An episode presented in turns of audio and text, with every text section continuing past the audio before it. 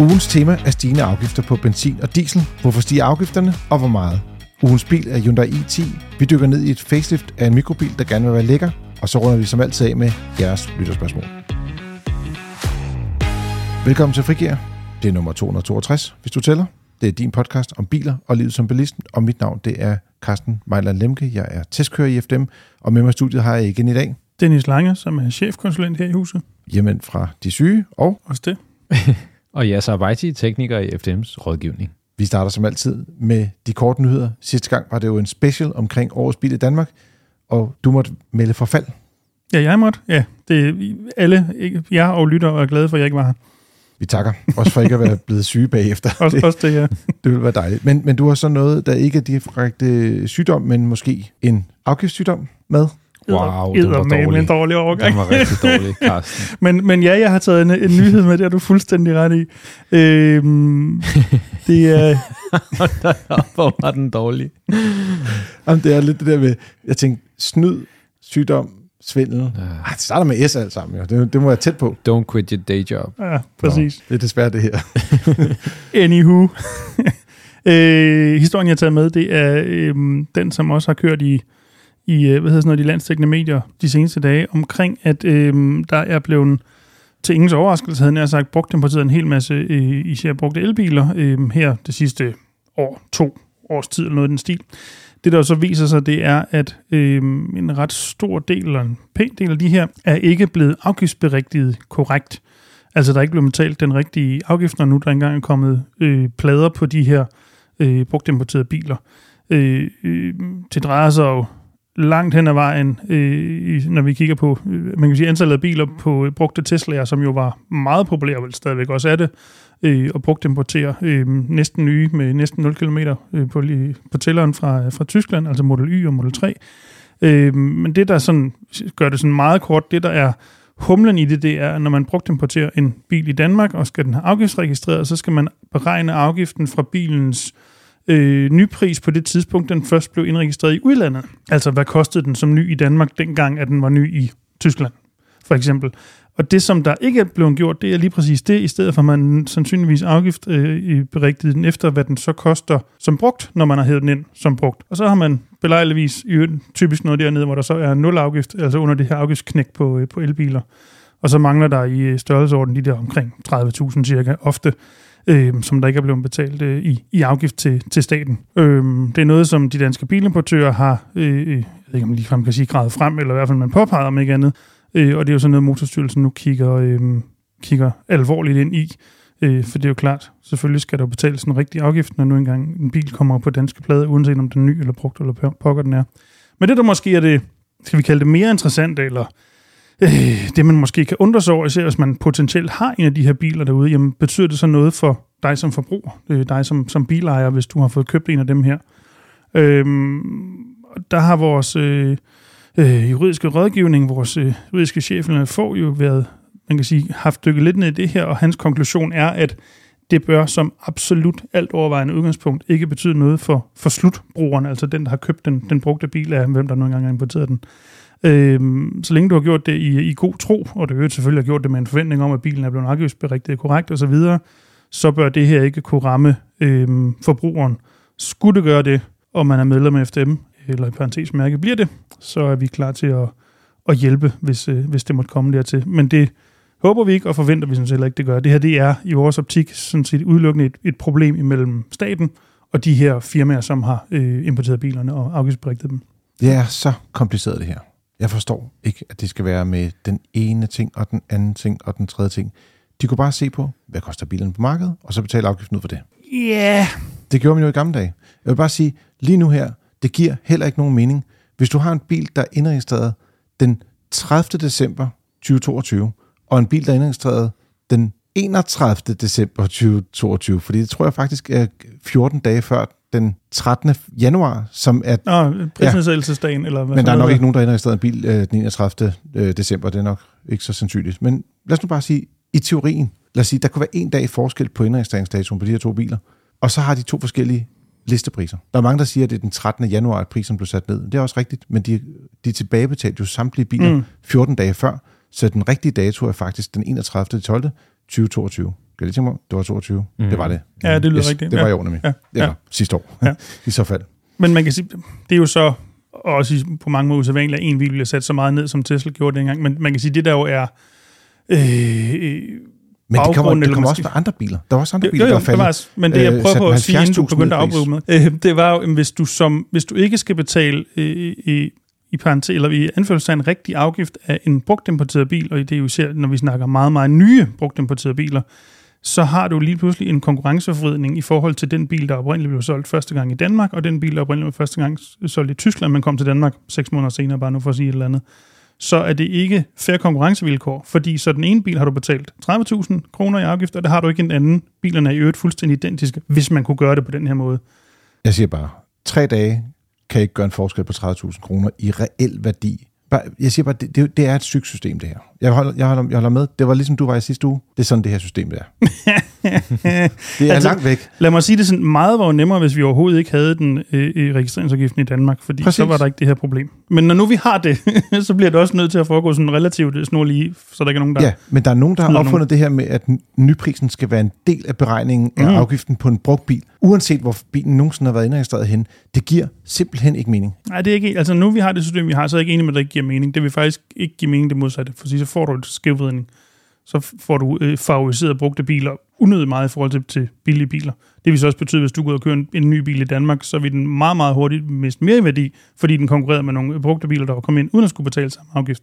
Jamen, den brugte bil, det skulle lige huske på, dem, der bliver importeret, er jo også brugte biler. Ja, ja, det er jeg med på. Jeg ved ikke, hvad du mener med også, men øh, Jamen, okay. forskellen er, du går ud og køber en fabriksny bil i Danmark. Ja. ja. Hvis, hvis det her var den rigtige måde at gøre det på, så vil du miste ekstra penge på din fabriksnye bil i Danmark i det øjeblik, du købte den, fordi den lige pludselig konkurrerede med nogle øh, nye brugtimporterede biler, som skulle betale mindre, fordi de ikke havde betalt den afgift, som du havde betalt på din bil. Okay. Men jeg vil bare sige, i gamle dage betalte man afgift ud fra, hvad bilen havde af værdi, når den var brugt. Det, det var, som man gjorde det på. Men vi har den her udfordring med elbilerne, at der er nogle af dem, der betaler afgift, og nogle gør ikke afhængig af prisen. Ja, ja. Det er vi enige om, ikke? Jo. Så hvis du tager den her, øh, skal man sige, øh, Tesla, som lige pludselig ender med slet ikke at betale nogen afgift som ny, jeg, altså jeg, jeg, jeg synes, det, det, er, det er et sygt system, det her. Men det, igen, Det er den, hvis det vi korte afgiften, var det her problem der ikke, men når nu vi har den, Ja.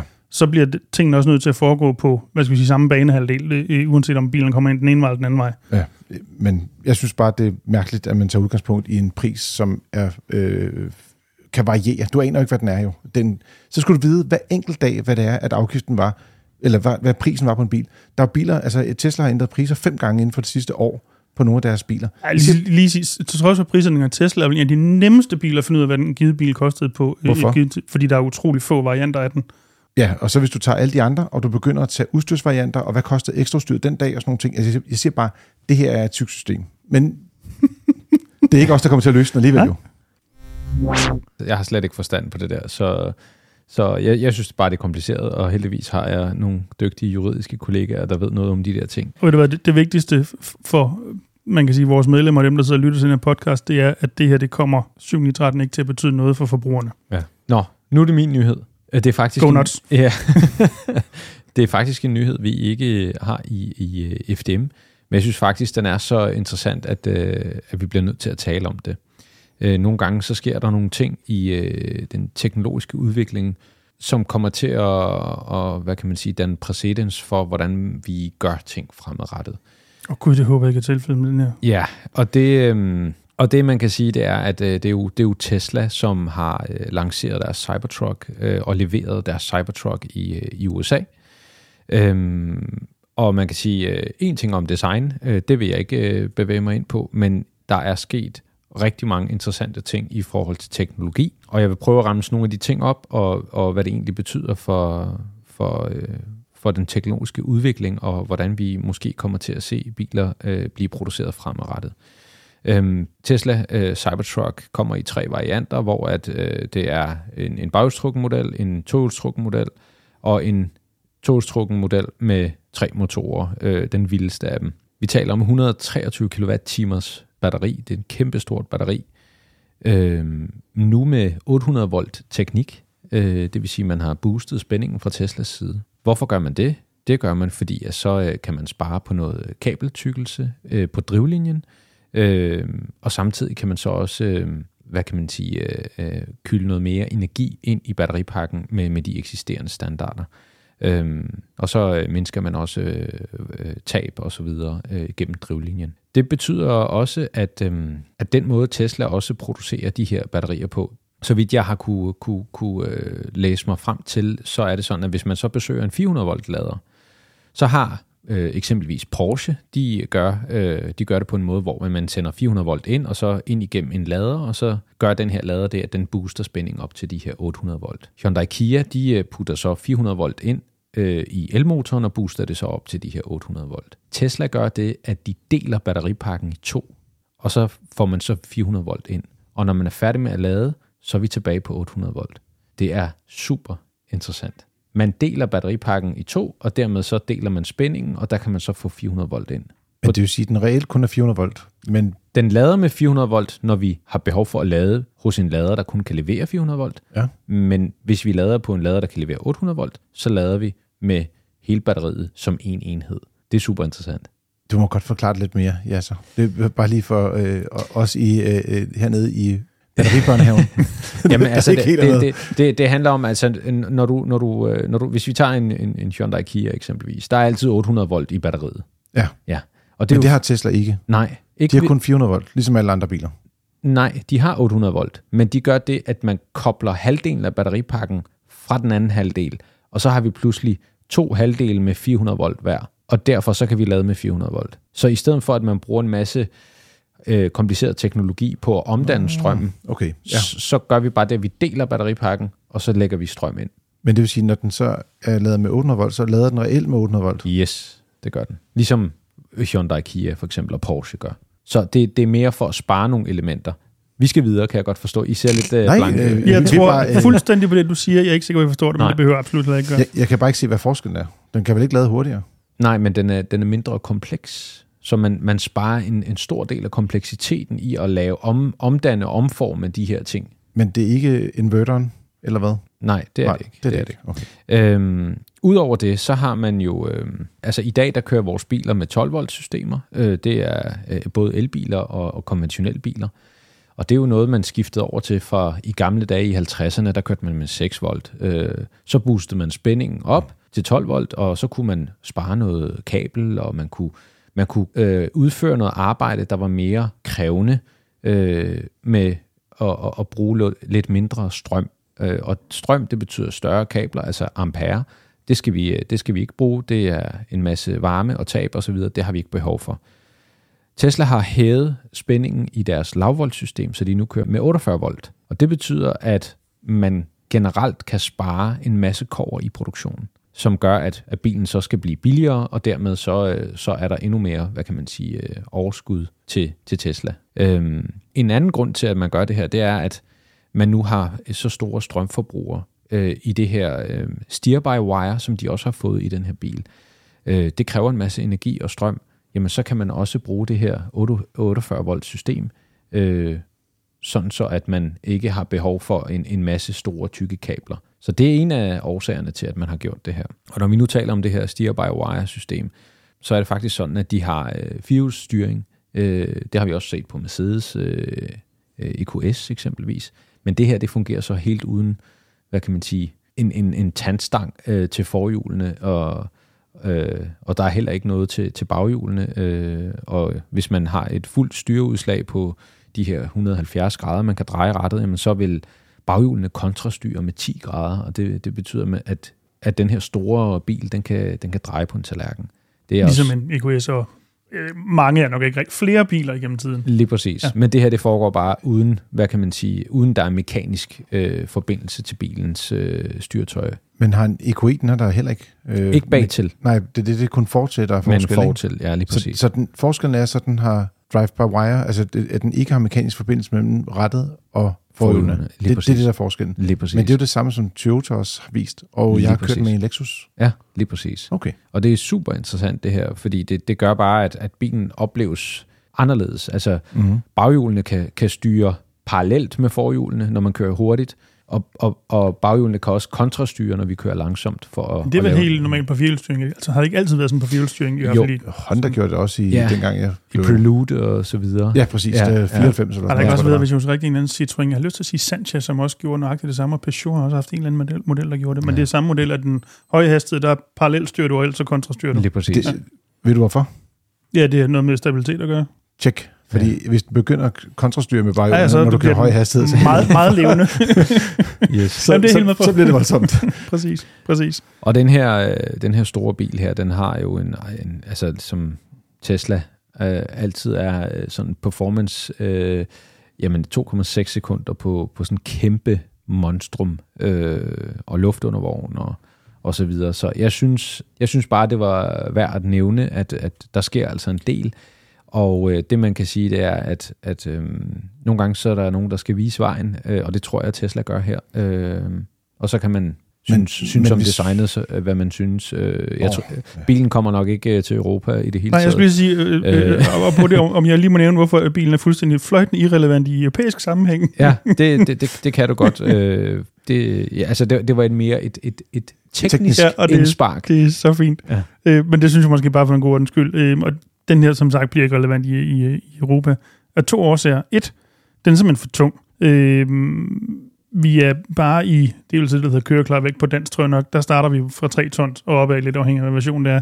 Totalvægten bliver jo utvivlsomt noget højere, der er vi på den anden side 4 tons. Mm. Med andre ord, du skal have et lastbilkørekort for at køre den. Mm. Øhm, og det, som måske er endnu mere besværligt, det er, at den lever, som jeg forstår det, og som man nærmest kan se, når man kigger på den, op til cirka ingenting af de krav, der er i EU til, hvordan en bil skal være indrettet med sikkerhed og øh, så videre, så videre. Så den kan ikke. Øh, I hvert fald ikke som sådan en masseproduceret bil indregistreres i Europa. Så øhm, Det er den sikre død, hvis man bliver ramt af den her bil. øh, ja, Ja. det Øh, fuldstændig ret i. Så, så, men, men øh, jeg synes, det var, jeg synes, det er sjovt, at man kan...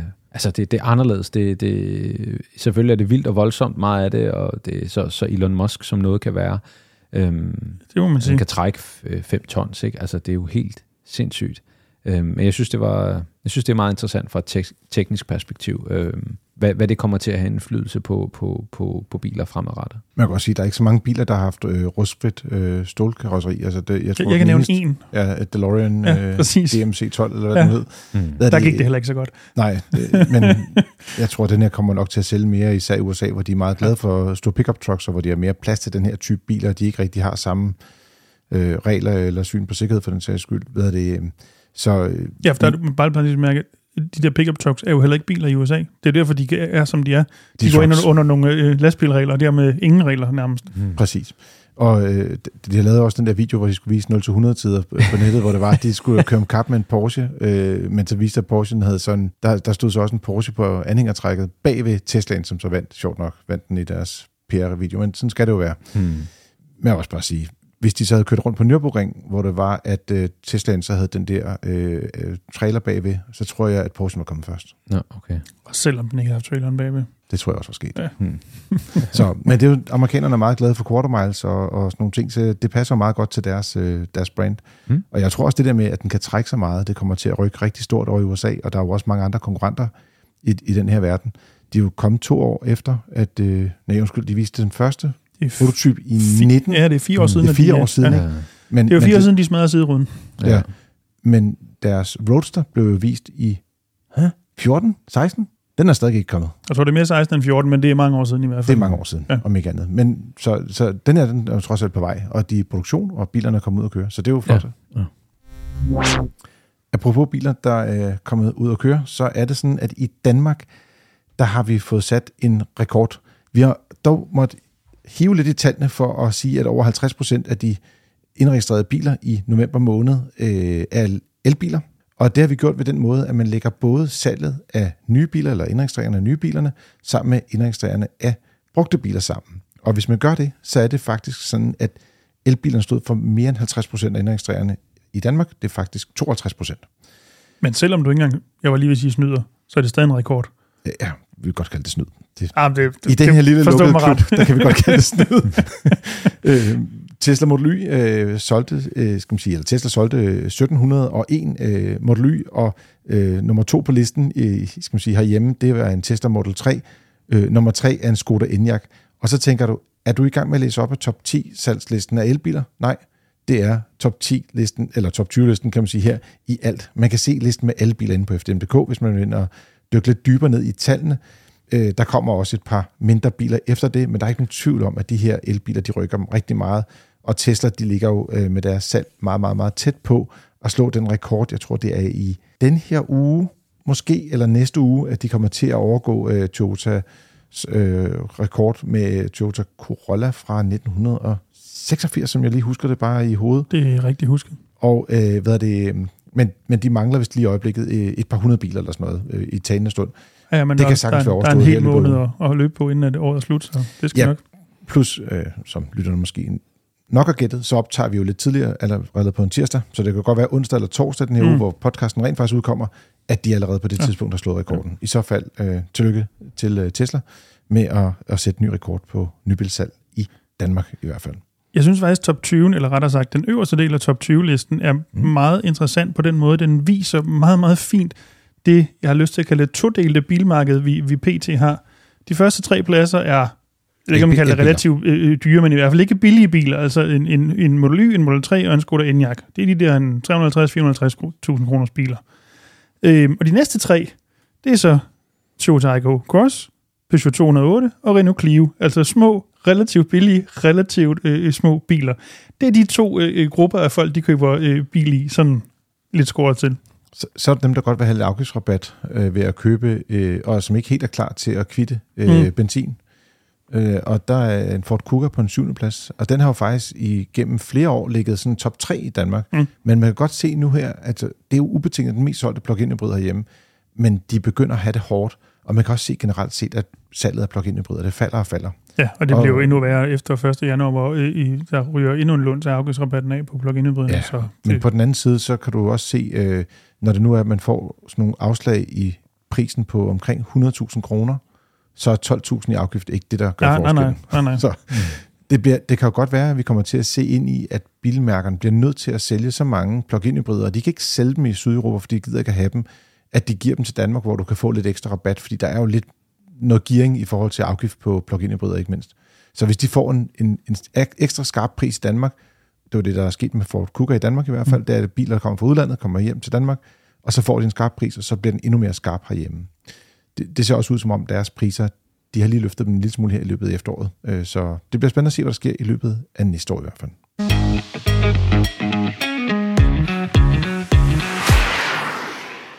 Nu er det tid til at tale om noget, som kommer til at ramme rigtig mange bilister, øh, langt de fleste i hvert fald, i løbet af de kommende år. Det er sådan, at vi allerede skal man sige, i sidste uge hørte om omkring den her afgift, der steg på vores... Nu sidder jeg og tænker på, var det, talte vi om det her i forrige uge? Ja, ja. jeg Vi har talt om det, nemlig, at, at der kommer en, øh, en stigning på afgiften i Danmark i, øh, i 2024 på både benzin og diesel, fordi at der har været en stigning i forbrugerprisindekset, og der skal man indeksregulere de her takster. Men derudover så kommer der også yderligere en stigning, som senest, for som jeg forstår det, skal indføres i 2031, og det kan jo virke langt væk, men hvor det er, at det sandsynligvis i Danmark bliver indført allerede i 2027. Og det er nogle øh, stigninger i benzin- og dieselafgift på lige godt en krone, hvilket ender med, hvis man kører ca. 20.000 km om året, at koste bilejeren yderligere 1.300 kroner om året i afgift på benzin og diesel. Hmm. Det Ja, ikke jo, en- ja, det her er jo så afledt afgift, men, men ja, Ja, altså Ja. mindre, at det, altså jeg vil sige, afgiften kommer til at stige, uanset hvad der sker med prisen på brændstoffet. ja, Ja. ja. Men det er jo, altså, åh, jeg ved ikke, hvor meget vi skal grave ned, for det bliver meget kryptisk og meget Jeg, langt. ikke, jeg synes bare, vi skal nævne det. Ja, det er også fint. Lad os bare nøjes med det. Det er jo Jamen, er der ikke mere? Nej, det er jo bare, det her, øh, øh, øh, den her ekstra stigning, han har sagt, er jo noget, uden det skal blive langhåret, noget kvotesystem i EU, der gør, at øh, øh, brændstofdistributørerne bliver pålagt en afgift, som jo helt sikkert bliver væltet over på forbrugerne. Det er det, jeg mener med, at det ikke er en direkte afgift, når Mm. du står nede ved, ved standeren. Øhm, det tror jeg var en meget kort version af det. Det bliver dyrere, uanset hvordan vi drejer det. Men man kan jo sige, at det er den her generelle øh, interesse for at sænke CO2-udslippet Mhm. mm-hmm. i hele Europa, som har gjort, at man så siger, at nu er der flere ting, som skal ind under den her CO2-ordning, og dermed er, er transporten også kommet ind under, og energiformerne kommet ind under. Det, det er jo lidt det, der, Ja. der sker også bare, man kan sige, det er jo ikke sådan nogen, der sådan tænker, at nu skal Danmark rammes af en eller anden særordning. Det, det er jo bare, fordi man generelt set gerne vil gøre noget for at, ja. at mindske Ja, det er CO2-udslippet. de fossile brændstoffer, man smider ind i, en, i jeg tror nok sin egen kvoteordning, men i hvert fald i kvotesystemet om ikke andet. Øhm, ja. Men Dennis, der er også lidt med, at vi ser lidt ind i, at det muligvis godt kan have en social slagside, apropos din kommentar til bilsalget, hvor der var, Ja, at jamen, der var præcis. både billige og dyre biler, de dyre biler var elbiler, og de billige biler var benzinbiler.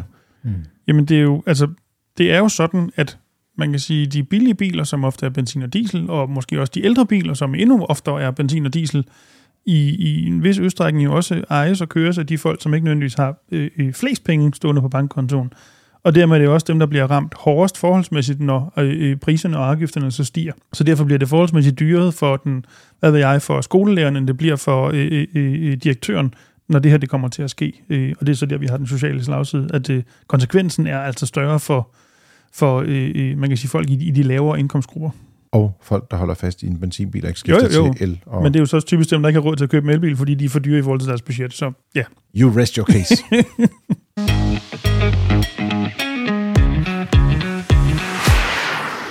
er du ikke helt blevet skræmt af en stigning på 1300 kroner om året, så kan du måske overveje at købe den faceliftede Hyundai i10.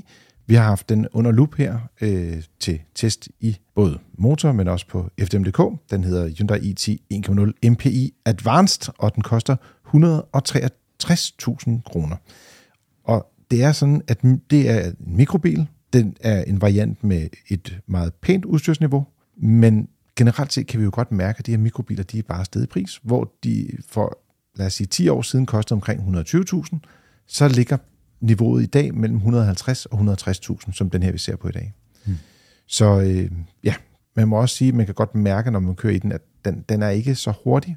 Nu er vi jo også lidt ramt af, at alle de her elbiler, de efterhånden har fået så øh, pænt et moment, så de føles så kvikke.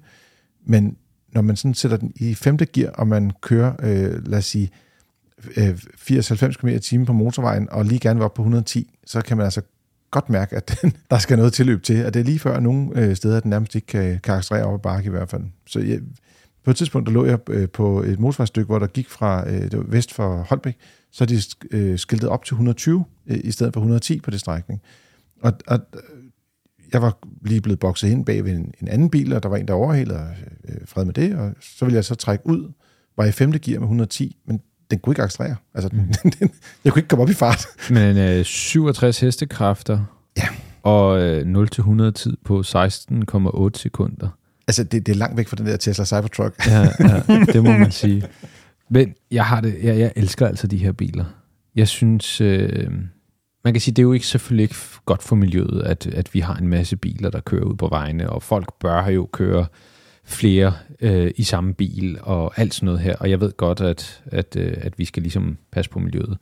Men prøv at forestille dig, hvor mange mennesker, der har fået øh, fleksibilitet og mobilitet på grund af de her mikrobiler. mm. Øhm, især unge mennesker, der, der, der ligger og pendler og, og så videre. Ikke?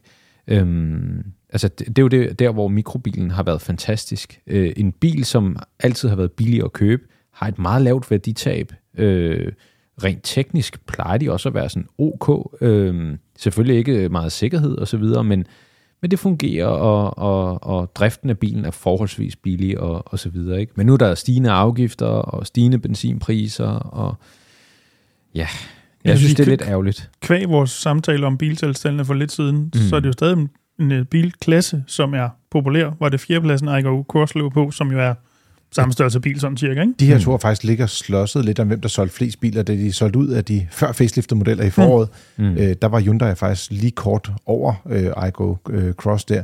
Mm. Øh, jeg, jeg synes også virkelig, det, det er jo en bil, som der i forhold til mange af de andre mikrobiler øh, byder på mere plads. Altså, øh, hvis man går efter en, en, en lille bil, som er, er billig i drift jo, øh, den kører jo ret langt på literen, den kører cirka 20 km på literen også, øh, det, det siger de, Mm. men øh, under vores test, der gjorde vi det også. Mm. Mm. Der kører vi øh, lige så langt på literen. Så øh, vil jeg sige, øh, og, og selv om man kører længere tur på motorvej, men altså, hvis man bare stille og roligt følger fartgrænserne, så kører du omkring 19 km på literen på motorvej. Det er altså meget flot. Det må man sige. Og, og hvad skal man sige, så er det jo dejligt, at, at den der afgift så rammer lidt mindre hårdt, fordi det er jo per liter, man køber, når det nu end, øh, endelig kommer. Mm. Øh, og, og så synes jeg også, en ting med sikkerhed, det er jo lidt interessant. Hvis du går meget langt tilbage, øh, dengang jeg fik kørekort for eksempel, der var ABS på vej frem i i starten af 90'erne. Ikke? Mm. Det siger en del om din alder, men ja, ja. Fik Jamen, det er kø- jo- Jeg fik kørekort i 92, men Ja. der, der var ikke så mange biler, der havde ABS øh, dengang. Nej, det kan der ikke have været. Det var der ikke. Nej. Men, men så kom der jo også ESC-systemer, altså mm. de her antiudskridningssystemer, de blev sådan standard omkring sådan 2008. Men i dag, der har du jo også en nødbremse som standard, og det vil sige, det kan godt være, at du ikke har den der sikkerhed eller tryghed ved at have en tung bil, som jo klart er en udfordring, hvis du har uheldet. Mm. Men for at undgå at komme hen til uheldet, der er der bare sket rigtig meget med altså ABS selvfølgelig bremserne, som vi kender, antiudskridningssystemet, som vi jo har kendt i mange år, men også de her nødbremssystemer, som gør, at man ikke får øh, skal man sige, de her øh, frontalkollisioner. Og så er der jo også øh, skal man sige, de her linjevogter, altså, hvor der er mange, øh, nu nikker øh, forhåbentlig Dennis lidt til at sige, en af de store udfordringer i trafikken, det er, når folk de skift, utilsigtet skifter vognbane og kører i nogle andre, og der så skal ja, i, især når det er den modkørende retning, de kører i, så, mm. så er det rigtig skidt. Så er det rigtig skidt. Men det ja. kan også være tre. Det er også dumt. Ja, øh, øh, også det. ja. Så, øh, ja, så jeg vil bare sige, der er man hjulpet lidt. Og så synes jeg også, det er lidt fedt det der med, at du har øh, Apple CarPlay, øh, Android Auto, du har 8-tommer skærm, det er trådløs forbindelse, der er klimaanlæg, du har retvarme, du har sædevarme.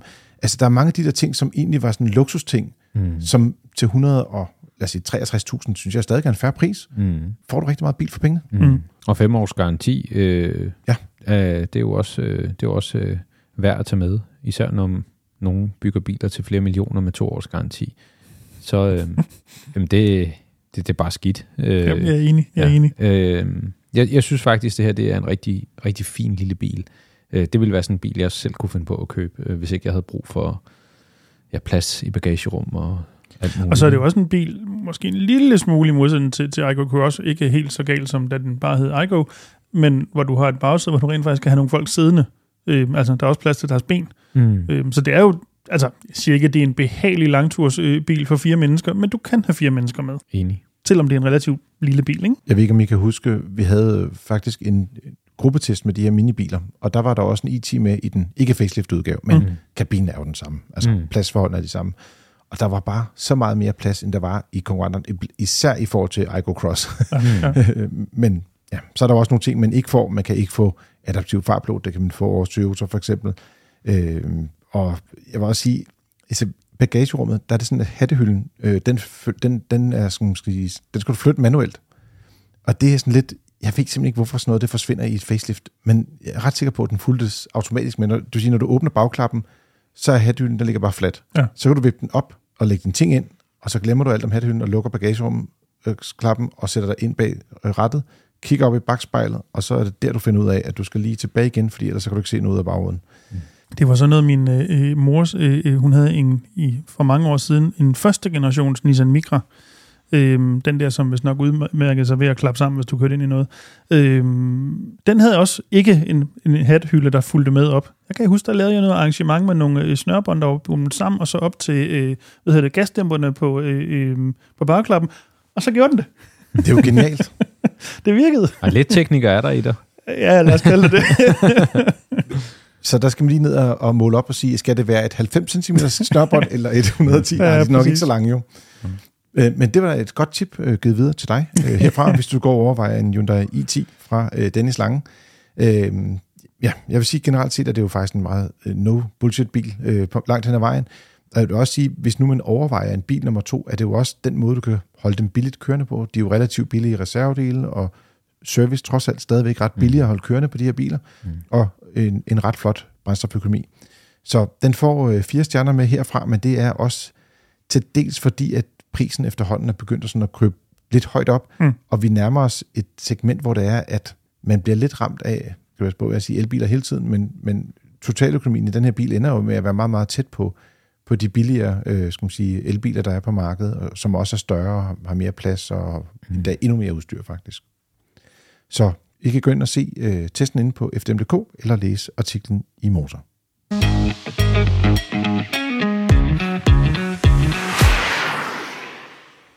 Du kan som altid skrive ind til podcastnablag.fdm.dk, hvis du har et lytterspørgsmål. Det har Simon. Han skriver, kære frigjør, tak for en god podcast. Jeg sætter lige en scene. I morges kørte jeg bag ved en elbil. Det er en Volkswagen ID4. Og jeg synes, at jeg havde en fornuftig afstand til bilen foran mig. En bagvedkørende generede mig i bagspejlet. Jeg kigger lidt op for at rette bagspejlet og tager nu øjnene igen fremad. Og nu er elbilen blevet meget tættere på, uden at jeg er blevet mødt af noget bremslys. Jeg blev overrasket over, at elbilens evne til at regenerere eller nød, nedbremse eller retardere sin nej, retration af hastighed, Det, det er et ord, jeg ikke bruger så ofte, når jeg skal Nej, heller ikke mig. Heller ikke øh, reserveret for den sags skyld. Mit spørgsmål er, findes der regler for, hvornår en deceleration af et køretøjs hastighed skal markeres med lys og eller lysstyrkeændring med Altså, hilsen? Bremselyserne, ly- lygterne lyser. Det er sådan, jeg læser det her, det han spørger om, ikke? Ja, skal ja. bremselysene ly- også med inklusiv den tredje bremselygte og alt det der? Hvad siger vores lov, mand? Jamen, altså, det korte svar, ja, ja, det er der regler for. Tak for i dag. Præcis.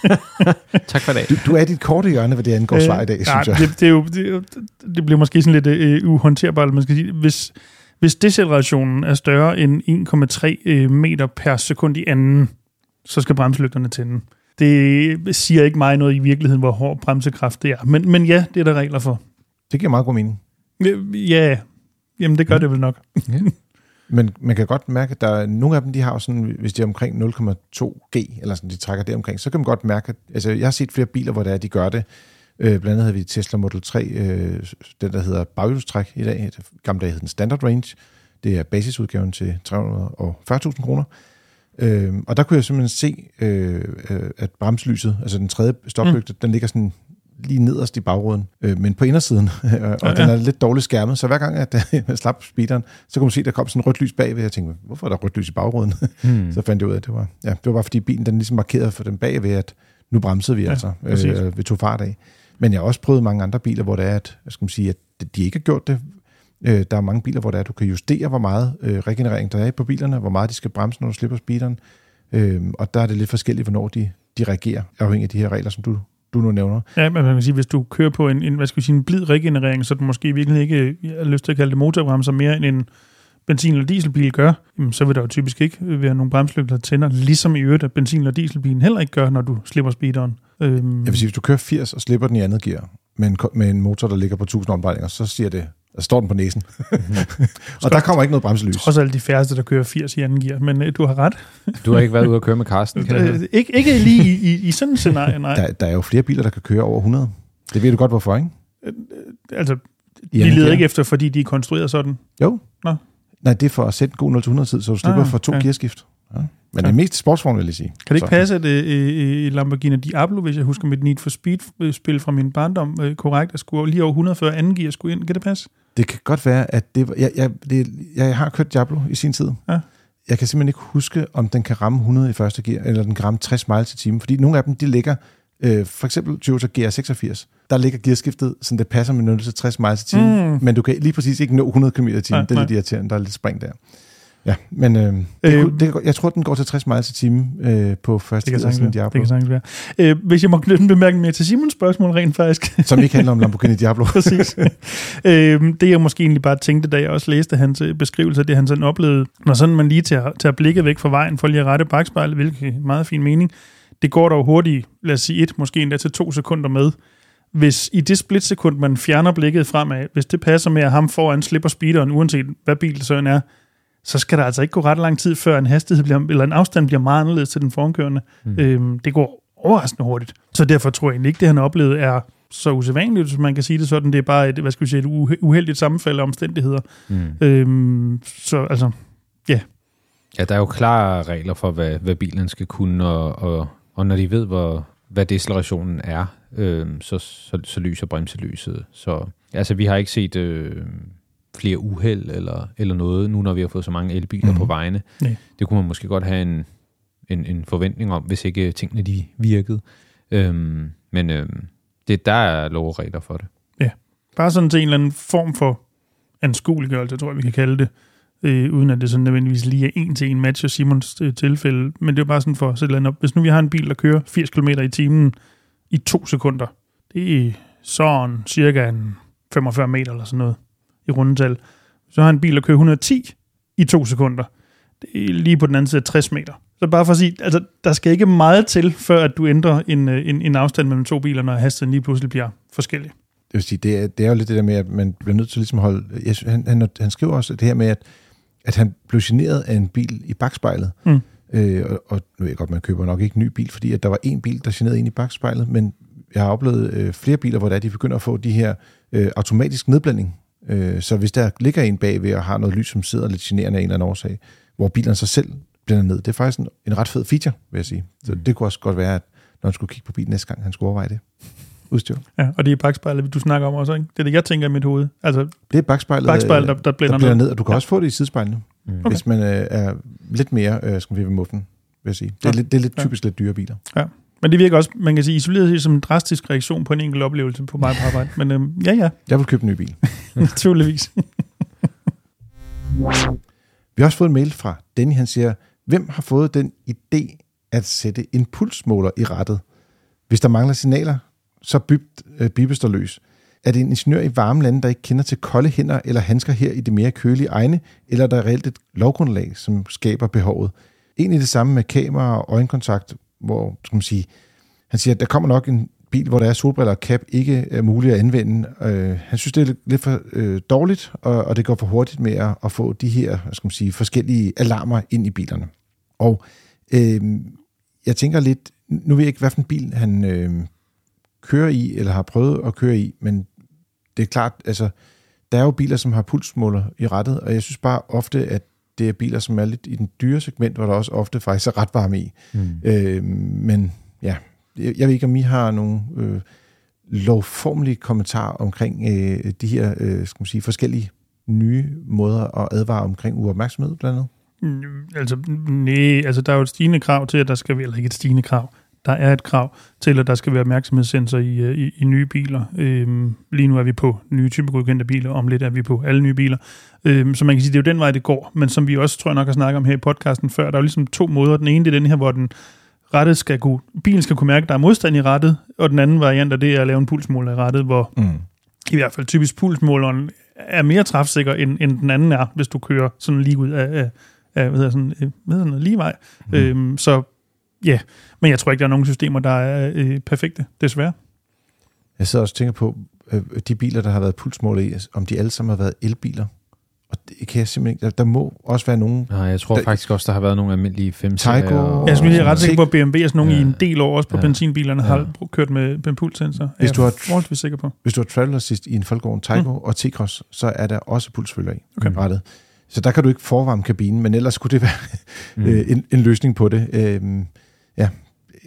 Det her med, med kameraerne og øjenkontakt, og om, om, skal man sige, om solbriller og en øh, kasket kan drille. Altså, jeg har også oplevet nogle gange bare det at, at, at sidde og klø sig bag ved øret, kan, kan drille nogle Mm. bilers øh, funktioner. Og der må man sige, ja, der, der kommer de jo også til at udvikle softwaren øh, på de her biler og finde ud af at reagere på det. Øh, jeg synes ikke, at solbriller har givet problemer. Nej, det har jeg heller ikke øh, oplevet. Som udgangspunkt. Øh, nu kører jeg ikke så ofte med kasket. Jeg kan se, at det skulle give et problem. De fleste kameraer, der, der monitorerer føreren, sidder typisk ret langt nede. Der er nogle enkelte, der sidder oppe på loftet, men de fleste sidder faktisk lige bag ved rattet, eller over i A-stolpen, Mm. eller inde i midten af bilen. Så jeg, tror ikke, at det er sådan på den måde det store problem. Øh, Nogle af dem er også infrarøde kameraer, som sidder inde i selve instrumenthusene, Mm. som sidder og, og ligesom skyder ud mod øjnene for at se, Ja. om, om du har åbne øjne eller har lukket øjne og sådan nogle Mm. ting. Det er ret imponerende, hvor meget de rent faktisk kan se, også for eksempel i mørke, hvor der jo ikke er så meget lys i, i kabinen, kan man Ja. sige. Mm. Jeg blev i hvert fald for nylig mærke til, sådan rent apropos, øh, Xpeng G9, der er ude og prøve at køre den for noget tid siden, som vi snakkede om i forrige afsnit, tror jeg nok, Mm. som jo bi- bimler og bamler og hyler og gør alting overalt hele tiden. Blandt andet, hvis man kigger på skærmen for at finde ud af, hvor den biber, så sig, bli, bli, hyler opmærksomhedsalarmen op, fordi så kigger du ikke ud længere, til trods for, at du Mm. kiggede på, hvorfor den... Nå, men anywho, der kan jeg huske, der prøvede jeg nemlig, om det gjorde forskel, med at have solbriller på, om den så ligesom var mere eller mindre opmærksom. Det gør ingen forskel. Det, det, det var ikke det, der var issueet. Nej, den, den var bare... Du tænkte lidt, er den hysterisk, fordi jeg har solbriller på? Ja, lige præcis. Lige præcis. Det Den var var hysterisk bare- uanset hvad. Ja, præcis. Ja. Men de arbejder på det. Der er, øh, skal man sige, øh, ingeniører på vej til Danmark fra fabrikken for at ændre øh, de her alarmsystemer og få dem tilpasset også til de danske systemer, så bilen skulle kunne komme til at køre lidt bedre, hvilket jeg vil sige, har den også brug for. Ja, det må man sige. Vi talte lidt sige. om det sidste uge i forbindelse med årets bil i Danmark også, hvor den jo fik en, en meget fin tredjeplads, men også, øh, skal man sige... Jeg, Der er jeg havde plads til forbedring. Der er plads til forbedring, ja. Ja. ja. Men om ikke andet, Danny, øh, det er noget juks. Hvis du, hvis du virkelig ikke kan lide at køre med uden handsker om vinteren, så kan det være, at du skal finde en bil, som ikke har pulsmåler. Det er der fortsat ret få biler, der rent med faktisk så har. nogle af de der handsker, man kan øh, købe, så man kan betjene sin mobiltelefon, selvom man har handsker på? De burde vel øh, øh, lede nok til, at de rent faktisk også vil virke på en øh, bil med pulsmåler, potentielt. Men, men, det, men det er jo ikke øh, pulsen, der gør, at du kan betjene en øh, Nej, men, men det er med, at den giver jo forbindelse, så du din finger virker igennem handsken, om jeg så må sige. Ja, Det- det... den har bare samme øh, taktile fornemmelse, som dine fingre har. Den, ja, Er det, er det, der gør det? ja, jeg har sådan nogle... Øh, jeg har nogle... Virker de, hvis du ikke har en finger inde i handsken, kan du så bruge den stadigvæk? Det kan jeg lige finde ud af til øh, ja, i Fordi jeg morgen forestiller mig at de bare, man kan sige, lede den øh, minimale form for elektricitet, du har i spidsen i din finger, som telefonen I bruger. Det var det, den i virkeligheden kunne. Det, det, men det kan da godt være, at jeg fuldstændig tager fejl. Prøv lige handsken uden finger i. Hmm. Det glæder vi os til at høre resultatet, Carsten. Stay tuned til Frigir i næste uge, hvor det er, at Dennis, Jas og jeg, vi både legner ugens, ugens nyheder, ugens tema og bil op, svarer på jeres spørgsmål og finder ud af, om man rent faktisk kan betjene en mobiltelefon med en handske uden fingre i.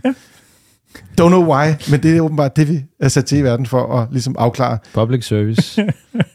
Husk, at alle artikler de er tilgængelige inde på fdm.dk, og du også kan tilmelde dig FDM's nyhedsbrev derinde, så du kan få alle nyheder omkring biler og livet som bilist. Tak fordi du lyttede med denne gang, og god tur derude.